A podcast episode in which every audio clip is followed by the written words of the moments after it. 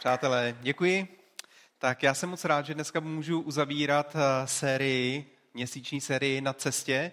A jak vidíte na slajdu za mnou, tak dnešní název mého kázání je na cestě nadpřirozena. A rád bych se dneska eh, zaměřil na pomoc, která nám vyloženě byla dána z nebe. A tím je Duch Svatý. Je to obrovská výsada, že každý vlastně člověk, který dal svůj život Ježíši Kristu, tak mu byl dán Duch Svatý. A něco takového, už jsem to několikrát tady říkal, v žádném jiném světovém náboženství nenajdete. Sám Bůh se rozhodl, že po tom, co uvěříme v Ježíše Krista, tak vstoupí do nás v podobě Ducha Svatého, který bude mocně jednat v našem životě. Já bych se dneska rád zaměřil v rámci Ducha Svatého, co pro nás eh, dělá, jak nám pomáhá dostat se z věcí, které, o kterých víme, že nejsou jako úplně ideální a že mají destruktivní vliv na náš život. Jo, ať už to může být závislost na alkoholu nebo cigaretách, které nás samozřejmě můžou zabít. Nebo ať už jsou to sociální média, kdy máme 1500, 2000 přátel na Facebooku, ale žádného skutečného přítele, se kterým bychom mohli sdílet svůj vlastní život. Nebo ať už to gambling, který nás může přivést do obrovských finančních dluhů. Nebo ať už je to závislost na pornografii, kde se nám vlastně mění vůbec pohled na intimitu v rámci sexu muže a ženy ale můžou to být i věci jako přehlížení pocitů našeho partnera, partnerky, manžela, manželky. Nebo to můžou být záchvaty hněvu, které máme doma, kam prostě nepatří. Nebo ať už to může být výchová skrze pravidla bez jakékoliv milosti. Protože tyhle ty věci samozřejmě mají destruktivní vliv znova na naší rodinu. Takže to nemusí být jako takové ty hříchy, o kterých se často káže skazatelny, ale může to být drobnosti, které když se naskládají a dlouho v nich jsme a nic s nima neděláme a nejednáme, tak ve finále stejně tak destruktivně působí na náš život a na životy okolo lidí kolem nás. Já si myslím, že každý z nás ví, co dělá ve svém životě blbě, že k tomu nepotřebujeme mít nějaké hluboké poznání. A několikrát jsme se možná v našem životě rozhodli, že nebudeme dělat to, co právě nám ubližuje a ubližuje ostatním lidem. Ale nějak jsme vždycky neodolali. Nějak jsme se k tomu vrátili. A tak jsme se smířili, že to vlastně už nebude jiné. Že to nějak doklepeme, v tom našem životě a že se s tím nějak vypořádáme, že to nějak zatajíme, nějak to budeme uhlazovat a, a že už to prostě jiné nebude. Možná nás to dokonce vedlo k tomu, že jsme si začali říkat, už radši ani do té církve chodit nebudu. Stejně prostě pořád v tom lítám, pořád eh, se mě někdo na to ptá je mi to hrozně nepříjemný. A možná dokonce jsme si řekli, ani nevěřím toho Boha, kterýho mi popisuje Bible, a tak jsem si ve své mysli stvořil jiného Boha kterému věřím, ke kterému se modlím a který má jako nějak soucit s těmi věcmi, které vlastně se pořád opakují. Mně se moc líbí, co píše Pavel v listu 1. Eh, Korinským v 10.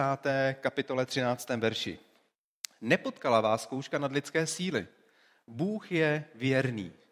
Bůh je věrný nedopustí, abyste byli podrobeni zkoušce, kterou byste nemohli vydržet. Nýbrž se zkouškou vám připraví i východisko a dá vám sílu, abyste mohli obstát. Přátelé, je jedno, čemu čelíme, ať už to je uh, nějaká kritika, srovnávání se, obavy, Bůh je věrný a dá nám východisko i sílu, abychom dokázali obstát v jakékoliv situaci, životní situaci. A co víc, Pán Bůh nám dá sílu, abychom se dokázali i dostat ze dna, na kterém jsme se ocitli, buď naší vinou nebo vinou ostatních lidí. Bůh je věrný a nedopustí, aby jsme neobstáli. A dá nám sílu, abychom mohli skrz ty věci projít. Myslím si, že když každý nějak eh, přemýšlí nad svým životem a nad tím, proč děláme věci, které děláme, tak si velmi jasně a rychle uvědomíme, že všechno začíná v naší hlavě. A když si to teda potom poskládáme, tak si řekneme fajn. Když nechci něco dělat, tak na to nebudu ani myslet. Že? A problém je v tom, že čím víc na to nechceme myslet, tak tím víc na to myslíme. Uděláme si takový krátký, jako malý test. Zavřete tady všichni oči, kdo jste. Všichni teď zavřete oči, nebojte se, nikdo vám nesebere peněženku a podobně. Já to pohlídám. Zavřete oči, je to bezpečné místo mít zavřené oči. A stejně tak vám teď řeknu, nemyslete na růžového slona. Nemyslete na růžového slona. Nemyslete na růžového slona. Tak teď můžete otevřít oči. Kdo jste myslel na růžového slona? Kdybych tomu dal větší prostor, tak na něj myslíte všichni, ale ten princip je, myslím si, že zřejmý. Čím víc na něco nechci myslet a říkám si, nesmí na to myslet, nesmí na to myslet, tak tím víc na to myslím. Já řeknu si večer, nesmím myslet na tabulku čokolády, protože si ji nechci dát. Nesmí na ní myslet, nesmí na ní myslet. Až ve finále skončím s plnou pusou čokolády a beru si poslední čtvereček. Jo, je to úplně typické. Takže co s tím? Asi není moc jako východisko nesnažit se myslet na věci, které nechci dělat, ale východisko je zaměřit se na věci, ke kterým mám směřovat, ke kterým mám mířit. A k čemu má jako člověk věřící směřovat? Pavel v Galackým 5.16 píše, žijte z moci Božího ducha a nepodlehnete k tomu, k čemu vás táhne vaše přirozenost. Žijte z moci Božího ducha a nepodlehnete k tomu, k čemu vás táhne vaše přirozenost. Jako křesťané máme žít z moci Božího ducha. Velmi jednoduché, krásné, úžasné. Ale víme, že to zase úplně tak jednoduché není v tom našem životě, že? Proto je krásný ten sedmnáctý verš, který hned zatím následuje. A dál Pavel píše tedy, touhy lidské přirozenosti směřují proti duchu božímu a boží duch proti ním. Jde tu on naprostý protiklad, takže děláte to, co dělat nechcete. To, co chci dělat, nedělám. To, co nechci dělat, dělám. Jde tu on naprostý protiklad tady těch věcí. V Římanům 7, 18, 19 Pavel píše velmi podobnou pasáž, no, velmi, podobné, velmi podobnou myšlenku. Vím totiž, že ve mně, to je v mé lidské přirozenosti, nepřebývá dobro. Chtí dobro to dokážu, ale vykonat už ne. Vždyť nečiním dobro, které chci, nýbrž zlo, které nechci. Miriam o tom kázala poslední, eh, poslední neděli v září, o tom vlastně, jaké, jaké vzorce vůbec chování a sítě každý z nás si vytváří, protože to vede vlastně k něčemu, k něčemu co ovlivňuje náš život. Jak se říká, zvyk, železná košile. Když se dostaneme ke špatným zvykům, tak nás samozřejmě uh, mají tendenci pohltit. Ale my se rozhodujeme samozřejmě i pro dobré věci v našem životě. Například chceme si číst víc Bibli. Krásný předsevzetí. Večer si to řeknu, ráno vstanu a zjišťuju, že vůbec nemám čas prostě si ji vzít. Tolik věcí, kterých musím vlastně ještě zařídit tak nad tím mávnu rukou a spokojím se s tím, že číst Bibli si je pro pastora a pro pár vyvolených, ale jako já jsem rád, když si přečtu pár knih do roka. Nebo se chci dostat z dluhu. A v ten moment zjišťuju, že vedle mají výprodej oblečení. A já si přeci potřebuji koupit tolik věcí dobrých a mají jenom za pár korun. To, že potom tam utratím už pět tisíc. No, nekup to. Jako když to je tolik dobrých kusů, že? Celý rok jsem se pomalu na to připravoval. Nemám sice peníze, chci se dostat z dluhu, ale taková příležitost nepromrání. Nebo ráno si půjdu zaběhat. Kouknu se vlastně na předpověď počasí a zjistím, že je desetiprocentní předpověď eh, k tomu, že bude pršet. A 10% je už dost. Prostě nemůžu. Neušpiním si moje krásné nové kecky. Prostě ne. Nebo si řeknu, už nebudu jíst po 18. hodině. Večer přijdu z práce, jsem unavený, já si to přeci zasloužím. A tak se nafedruju a pak tam ležím s tím bříškem a říkám si, a teď jsem nechtěl jíst. Přátelé, dneska vám nechci malovat žádný jako rostomilý obraz. Život není procházka růžovým sadem. Život prostě není procházka růžovým sadem. A platí to jak pro věřícího, tak pro nevěřícího člověka. Já si dokonce myslím, že křesťanství je mnohdy pro skutečné jako muže a ženy. A to v tom, že se někdy musíme rvát s určitými věcmi daleko zuřivěji, než se třeba by se prali lidé, kteří v Boha nevěří. To, co je ale podstatné, je, že na to křesťan není sám.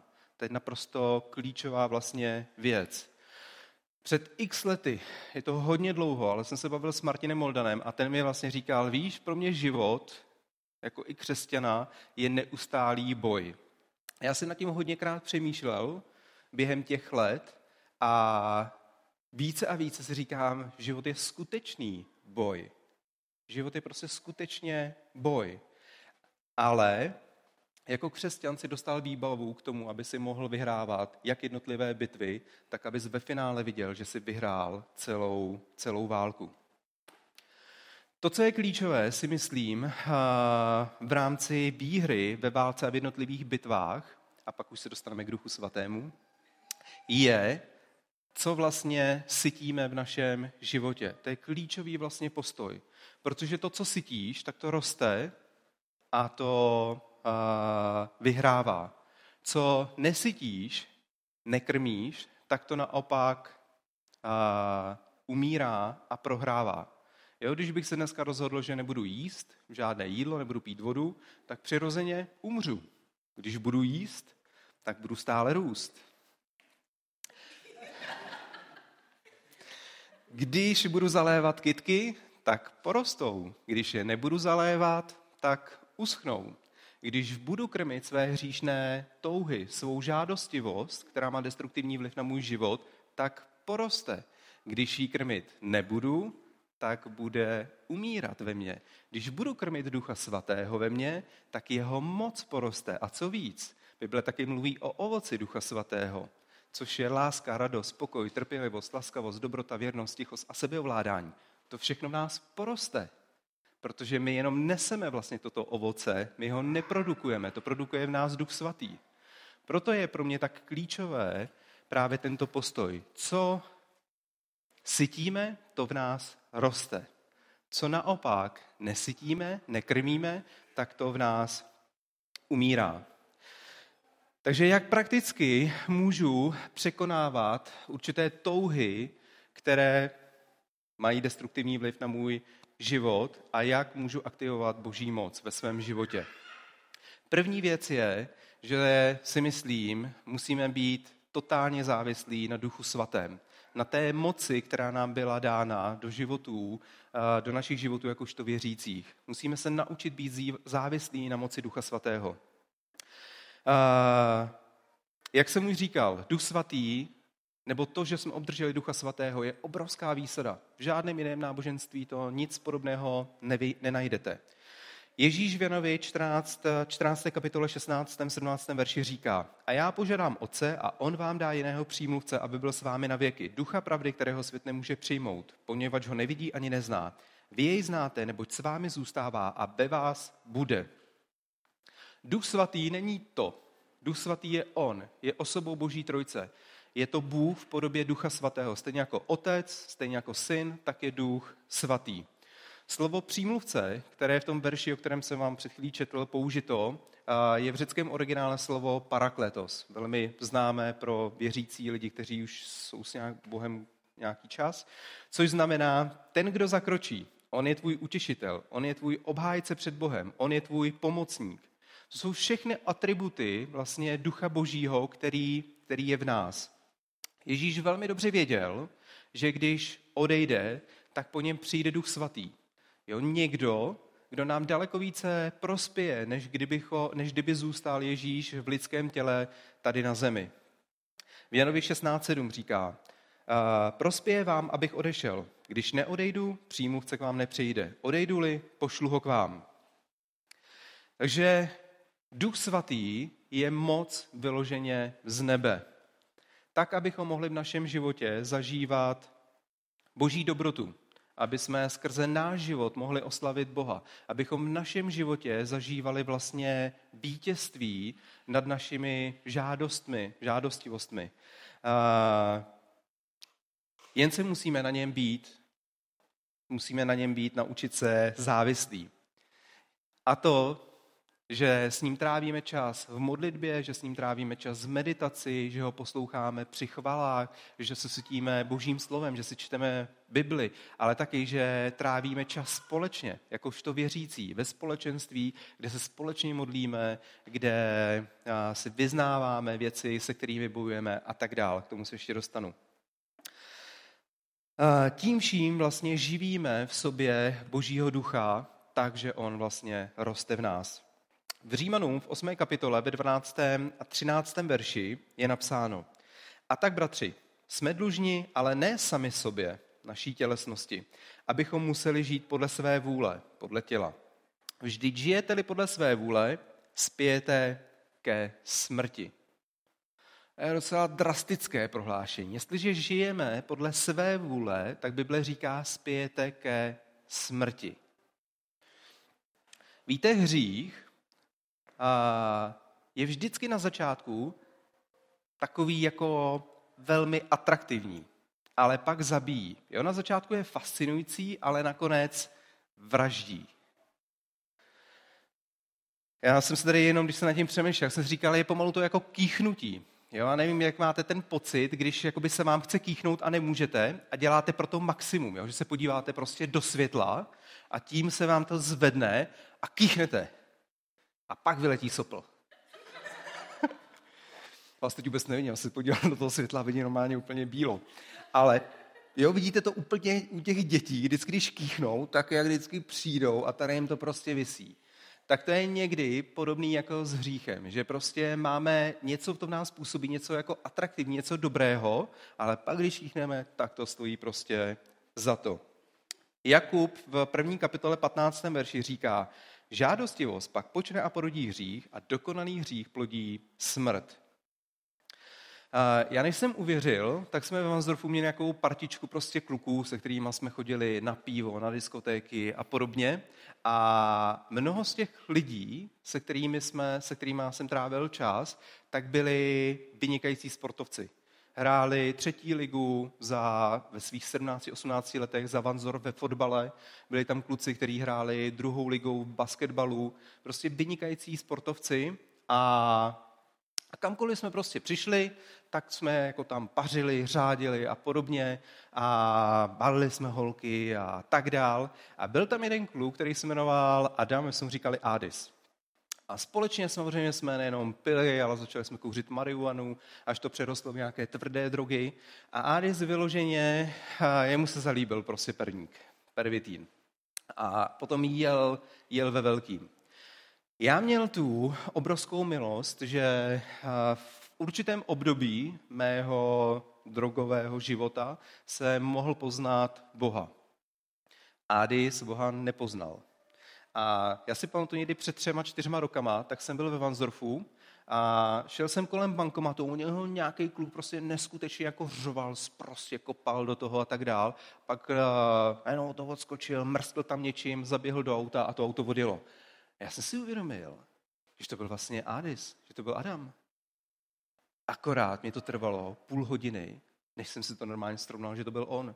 Protože z toho modela manekina, on dělal modeling teda taky krom toho, že vždycky ho někdo někam narval do nějakých oblečení a on se prošel pomalu, dostal do peníze a, a tak, tak, eh, tak tady z toho prostě kluka, který vypadal dobře, který měl velmi dobrý předpoklady, že mohl být placeným fotbalistou, protože když hrajete někdy v těch, já nevím, 17 letech fotbal, třetí ligu, tak to už není jako kopaná, to už je jako slušný prostě level. A tak skončil jako úplná troska. Prostě vážně já jsem měl co dělat, abych ho vůbec poznal. Žádostivost pak počne a porodí hřích a dokonalý hřích plodí smrt. Já nevím, jestli dneska Adam je, je pořád ještě mezi živými, ale jestli jako neradikálně něco neudělal se svým životem, tak silně pochybuju, že dneska je, anebo za dlouho už, už nebude. A Bible nám skvěle popisuje určité, určité věci a jak říkám, Bible je pro mě dokonalým návodem pro život. A jestliže my těmto našim žádostivostem, které jdou proti duchu božímu, dáme volný vlastně průběh, tak, tak z toho potom vzniká hřích a pak vlastně ve finále smrt, která má x jako dalších tvarů. Hřích totiž nikdy nezůstává stejný. Když nad tím přemýšlím, tak vždycky totiž z začátku je takový to miminko, jak jsem říkal, takový to atraktivní, který máte pomoct, který se z toho radujete, jenomže když ho živíte, tak se stane v bestii, která totálně začne ovládat váš život. A který přesně tato bestie potom ve finále zabíjí vztahy kolem nás, zabíjí vztah s Bohem, až nakonec nám může třeba i přivodit smrt. A to jak fyzickou, tak potom i samozřejmě duchovní. Ale jak ten verš, který jsem vám četl, dál pokračuje v Římanům 8, 12, 13. Já to vezmu znovu od začátku. A tak, bratří, jsme dlužní, ale ne sami sobě, abychom museli žít podle své vůle. Vždy žijete-li podle své vůle, spějete ke smrti. Jsme si řekli. Jestliže však mocí ducha usmrcujete hříšné činy, budete žít. Jestliže však mocí ducha usmrcujete hře, své hříšné činy, budete žít. Bible nám neříká, jestliže svojí vlastní silou budete usmrcovat hříšné činy, budete žít. Ne, Bible nám říká, krm ducha svatého v sobě, krm ducha svatého v sobě a skrze tu moc, kterou ti Bůh dává, duch svatý v tobě, můžete usmrcovat své hříšné činy. A to je naprosto zásadní věc. Já udělám takovou kratičkou odbočku a pak se znova k tomu vrátím, k tomu textu. Myslím si, že vždycky je zásadní si přiznat, že někde selháváme. Jo, že se nám něco nedaří. A přiznat to upřímně sami sobě a přiznat to před ostatními lidmi a přiznat to i před Bohem.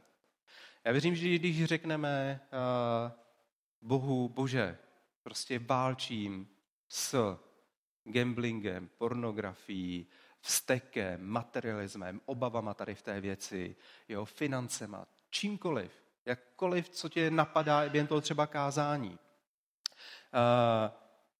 A zároveň řekneme, prosím, já tě chci do toho pustit. Přijď duchu svatý, vem to celé do svých rukou, já to prostě sám nedám. Já tě chci dneska už začít živit, abych pocítil tvojí moc a abych se pořád nemotal v určité smyčce. Já prostě chci být plný tvého ducha svatého, protože věřím, že ty to ve mně můžeš zvládnout. Já na to nemám.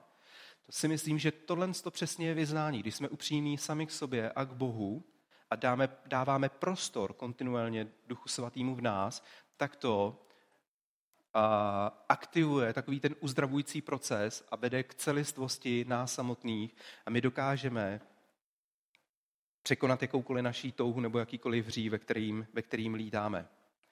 Někdy, když to uděláme, tak to Bůh může zlomit takhle. Vyloženě lousknutím prstu. A všichni se to přejeme, aby takhle bylo v našem životě. Já taky. Protože to je ta nejkrásnější forma. Když vyznáme něco a Pán Bůh takhle to od nás dá pryč. A několikrát jsem to zažil. Když jsem uvěřil, pán Bůh takhle odstranil závislost na marihuaně.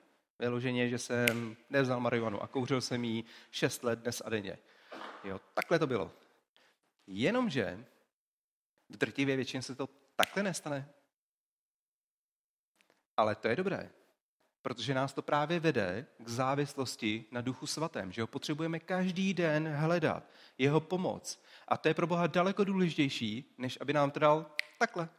Protože to mnohdy vede k tomu, že jsme akorát potom rozmazlení a myslíme si, že Pán Bůh nám to bude takhle všechno servírovat. Pane, prosím, takhle, pomodlím se, zmáčknete, vždycky říkám, hodíte deseti kornů, vypadne, no, Coca-Cola, možná 0,1 litru Coca-Coly za deset kaček, ale vypadne prostě produkt. Bůh takhle ne, ne, nefunguje. A právě z toho důvodu, protože s námi chce mít vztah, jemu jde o vztah, jemu jde o to, abychom dávali prostor jemu v našem životě, abychom ho hledali každý den, aby s námi mohl procházet všechna ta trápení. Prostě jemu jde vždycky o vztah a ten není tady o tom. Je to o diskuzi, je to o tom, o nějaké výchově, je tam o lásce, o milosti, o pravidlech. Jo? Je to celý balík, prostě je to o, o vztahu. Takže to je první věc. Mnohdy, drtivé většině, to není takhle. Když vyznáme věci, tak hřích prostě hned jde pryč. Je to proces, je to cesta. A stejně tak si myslím, že zásadní v tom je mít správné lidi okolo sebe. Nezůstávat v tom našem světě samoty, kde ty věci utajíme. Jo, ale být s někým, poprosit někoho, aby, aby šel s námi kus cesty, aby nám pomohl, aby se s námi modlil, aby společně jsme hledali.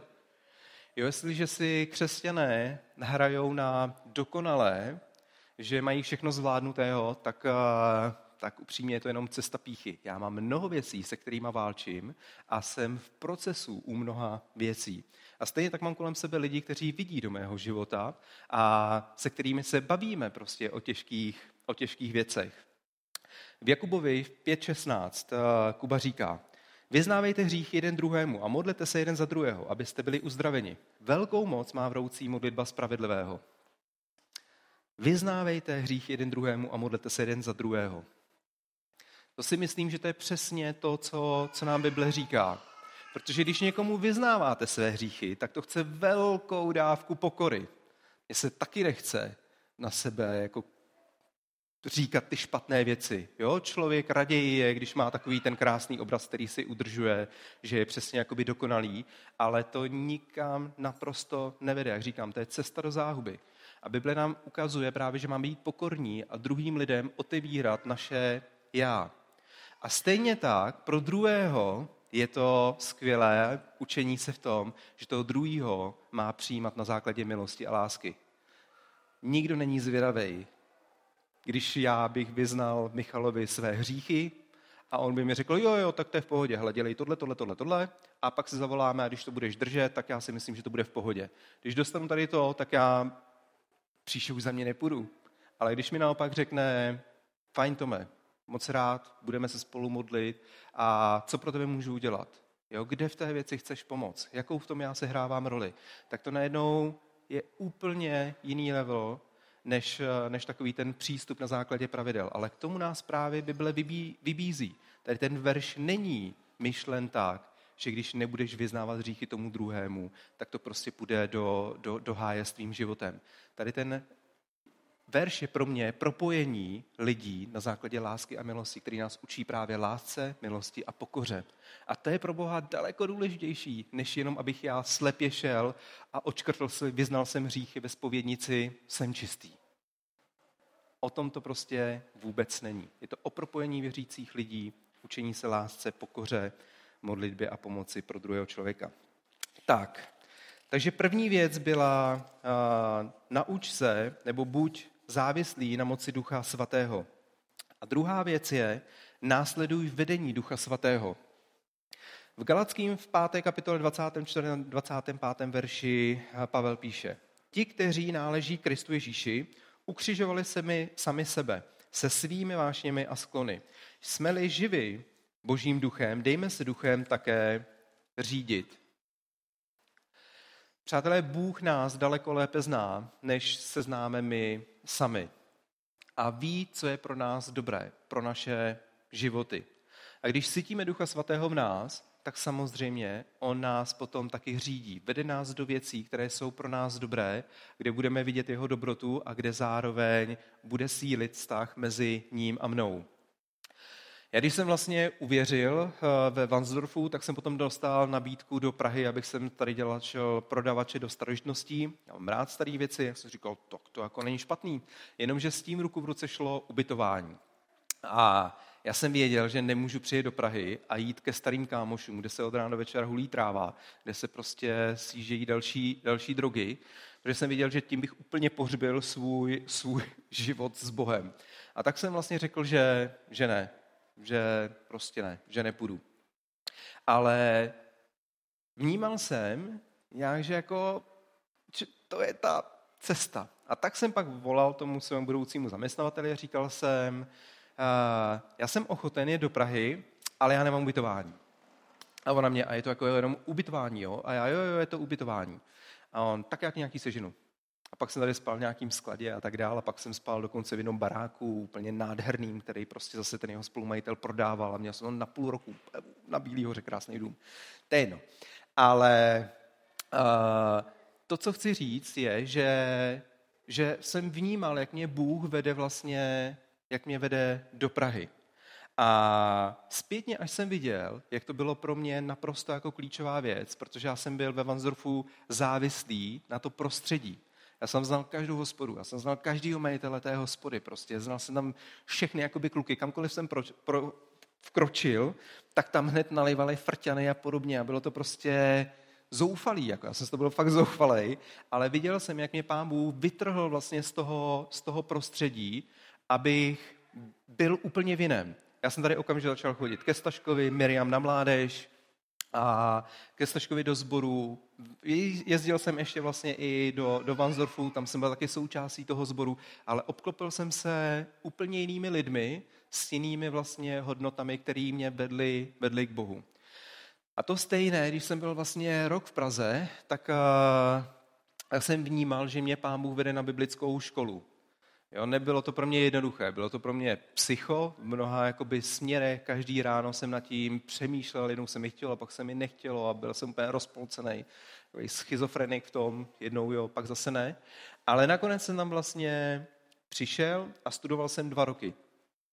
Zpětně vidím, jak eh, pán Bůh restartoval kompletně celou moji mysl, protože dva roky jsem nedělal nic jiného, než že jsem vlastně četl Bibli, že jsem eh, četl různě k tomu další knihy, kde ráno jsme se modlili s kámošema, večer jsme se tam modlili prostě eh, s kámošema. Jo, byl to restart pro moji, pro moji mysl. Ani to, když jsem šel do Prahy, ani to, když jsem šel na biblickou školu, ani x dalších cest, kam, kam jsem šel, nikdy to nebylo jednoduchý. Nikdy. Vždycky jsem měl vlastně psycho, určité pnutí ve mně, ve mně samém. Ale nechal jsem se duchem řídit. A to je klíčová věc. Ten paradox je, co už jste si postřehli, až zpětně jsem poznal, že to pro mě bylo jako dobré. Že kdyby to nebylo, tak eh, dneska si myslím, že nejsem ženatý s Miriam, za to jsem velmi vděčný. To je jako úplně, bože díky. Miriam taky díky. Tome, tobě taky děkuju. Přátelé, vám všem děkuju. Ale a ani bych vlastně nemohl dělat to, co dneska dělám. A a já jsem vděčný Bohu, že můžu být součástí nějakého plánu a že můžu být součástí Božího království a věřím církev, že můžu být součástí církve. A ani tak, i když jsem pastorem, tak to pro mě mnohdy není prostě jednoduché v mnoha jakoby směrech. Ale Pán Bůh mě něco svěřil a já se snažím co nejlépe to spravovat. A nejde to bez toho, aniž já bych nebyl závislý na Duchu Svatém a abych nebyl, a mohl bych být závislejší na Duchu Svatém, a abych nebyl, abych se nenechal duchem řídit. Takže nech Ducha Svatého, aby tě vedl. Trav s ním čas. Trav, myslím, jako trávit, ne otravovat. Drž s ním krok, jako při tanci, vyloženě.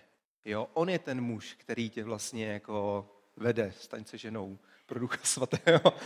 Přátelé, já budu končit, já mám divné paralely už teď na závěr, ale uh, je to na nás, co budeme v našem životě uh, živit. Jestli to bude, jestli budeme sytit naše hříšné touhy, které nás přivedou na dno a které budou, budou přinášet prostě mnoho negativních potom věcí v našem životě. A nevím, jestli to bude duch svatý, který eh, ti naopak dá moc, pomoc k tomu, abys tyhle ty touhy mohl překonat, abys mohl zažívat duchovně plný vlastně život, abys mohl zažívat zároveň i jeho dary, které každý z nás chce mít. Každý z nás chce uh, milovat, radovat se, mít pokoj, být trpělivý, laskavý, mít dobrotu, být věrný, být tichý a sebeovládat se. Každý z nás to chce. A takže je to jenom a stejně tak vlastně i vždycky duch svatý, ať se, ať se dostal na jakékoliv dno, tak já věřím, že tě znova může obnovit a ty můžeš znova být celiství vlastně v Bohu. V to pevně prostě věřím. Život je, přátelé, neustálý boj. Není to prostě růz, procházka růžovým sadem. Vždycky budeme v našem životě zažívat pnutí. Naprosto vždycky. Vždycky budeme čelit novým situacím. Teď, když jsme byli v, v Budapešti, tak jsme tam měli setkání s Jackiem Whiteem, který mu je 65, 70 let. tak nějak. A on tam mluvil na téma manželství a služba. A to, co se mi hrozně líbilo, že říkal, přátelé, upřímně, my taky s Lindou bojujeme. Není to, že máte 65, 70 let a že všechny ty věci prostě krásně jdou. Každý hledá, každý je na cestě. Vždycky jsme na cestě. Ale nikdy na to nejste sami. Máte prostě vedle sebe pomoc Ducha Svatého, který vám skutečně pomůže překonat jakékoliv věci, kterým prostě čelíte. Otázka jenom je, jestli ho budeš sytit, jestli budeš se na něm učit být závislý každý den, jestli se necháš i jím řídit, anebo naopak ne.